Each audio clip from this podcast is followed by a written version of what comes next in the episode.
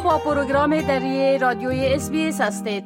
شنونده های عزیز حال همکار ما سام انوری درباره تازه ترین رویدادها در ارتباط به شیوع ویروس کرونا معلومات میتن آقای انوری سلام عرض می کنم خب گفته میشه که حکومت نیو ساوت ویلز در تلاش است که انزوا و قرنطین کسایی که به ویروس کرونا مبتلا میشن از هفت روز به پنج روز تقلیل بتن. بله؟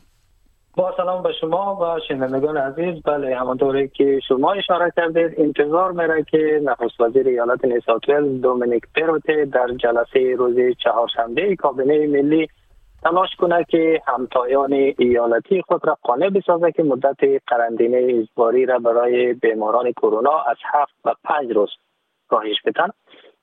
اما دومین ایالت پرنفوس استرالیا که ویکتوریا است به نظر می‌رسه که نظر چندان موافقی با این پیشنهاد نداره و میگه که تصمیم کابینه ملی باید بر اساس توضیح های علمی و صحی باشد در این حال اتحادیه کارگران خدمات صحی از رهبران کشور خواسته که قرنطینه اجباری را به کلی لغو کنند. جرارد هیز دبیر کل اتحادیه گفته که اکنون زمان آن رسیده که با کووید 19 مانند سایر بیماری ها برخورد شود و مردم وقتی به این بیماری مبتلا میشه از قضاوت خود کار بگیرند آقای هیز گفته که ما وقتی سرخکان یا آبل مرغان می‌گیریم سر کار نمیریم. ما نمی‌خوایم افراد مبتلا به آنفلوئنزا سر کار برن. و با کووید هم مانند سایر بیماری های عفونی باید رفتار شود و مردم با قضاوت خودشون وقتی علائم بیماری را دارند خود را منزوی کنند یا قرنطینه کنند. آقای حیز همچنین گفته که وقتی کمک هزینه های دولتی در هفته آینده به پایان برسه امکان دارد که مردم به کلی از ماه آینده دیگه اصلا به مقررات آزمایش و قرنطینه اعتنا نکنند.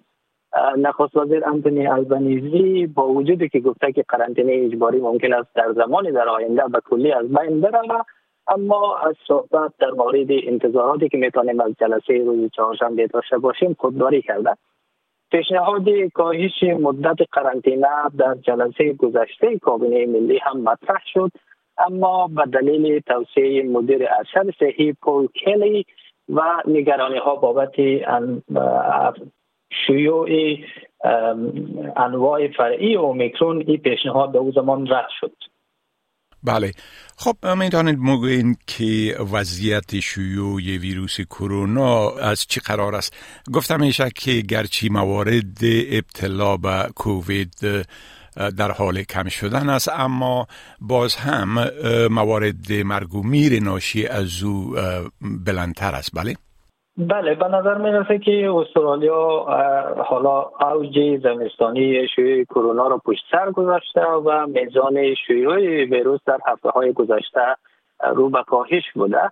استرالیا در تاریخ 21 جولای سال جاری در یک روز بیش از 55 هزار مورد تازه ابتلا به کرونا ثبت کرده بود در حالی که اوسط آمار روزانه فعلی بین 10 تا 20 هزار نفر. نیو ساوت که پرنفوذترین ایالت کشور است در شبانه روز گذشته چهار هزار و دوست و یک مورد تازه ابتلا به کرونا ثبت کرده. همچنین سی و هفت نفر در همین مدت از اثر بیماری جان داده و در حال حاضر یک هزار و هشتصد و سی و چهار بیمار کرونا در شفاخانه های نیوسات بستری هستند. ویکتوریا هم در شبانه روز گذشته 2950 مورد تازه اطلاع به کرونا ثبت کرده و همچنین در همین مدت 18 نفر از اثر بیماری جان داده. در حال حاضر 337 بیمار کرونا در شفاخانه های ویکتوریا بستری هستند و بیش از 19 هزار مورد فعال بیماری در این ایالت وجود دارد. همچنین کوینزلند در شبانه روز گذشته 2404 مورد تازه ابتلا به کرونا ثبت کرده و 18 مورد مرگ داشته در حال حاضر 319 بیمار کرونا در شفاخانه های کوینزلند بستری هستند و نزدیک 15 هزار مورد فعال بیماری در ایالت وجود دارند بله. خب می‌تونین بگوین که وضعیت واکسیناسیون چطور است؟ گفتم این که با وجود از که دوز چهارم حکومت رایگان به مردم عرضه کرده و پیشنهاد کرده اما زیاد مردم ای دوز چهارم نگرفتن. بله. تا اکنون بیش از 87 اشاری 3 درصد جمعیت واجد شرایط استرالیا تحت پوشش برنامه واکسیناسیون قرار گرفته. البته جمعیت واجد شرایط به گروه سنی بالای 5 سال رفت می‌گیره و زیر 5 سال تنها به اطفال واکسین داده میشه که از نظر ایمنی بسیار ضعیف باشند 84.5 درصد کل جمعیت واجد شرایط دو دوز واکسن را دریافت کرده و 54.7 درصد هم سه دوز واکسن را دریافت کرده. همچنین بر اساس آمار وزارت صحت استرالیا تا اکنون بیش از 4 میلیون و 872 هزار نفر در سراسر کشور دوز چهارم واکسن هم دریافت کرده. بلندترین رقم واکسیناسیون در قلمرو پایتخت استرالیا داره که تا اکنون بیش از 94.1 درصد جمعیتش تحت پوشش برنامه قرار گرفته. آمار واکسیناسیون دو دوزه قلمرو پایتخت هم به 91.7 درصد و سه دوزهش هم به 64.1 درصد رسیده.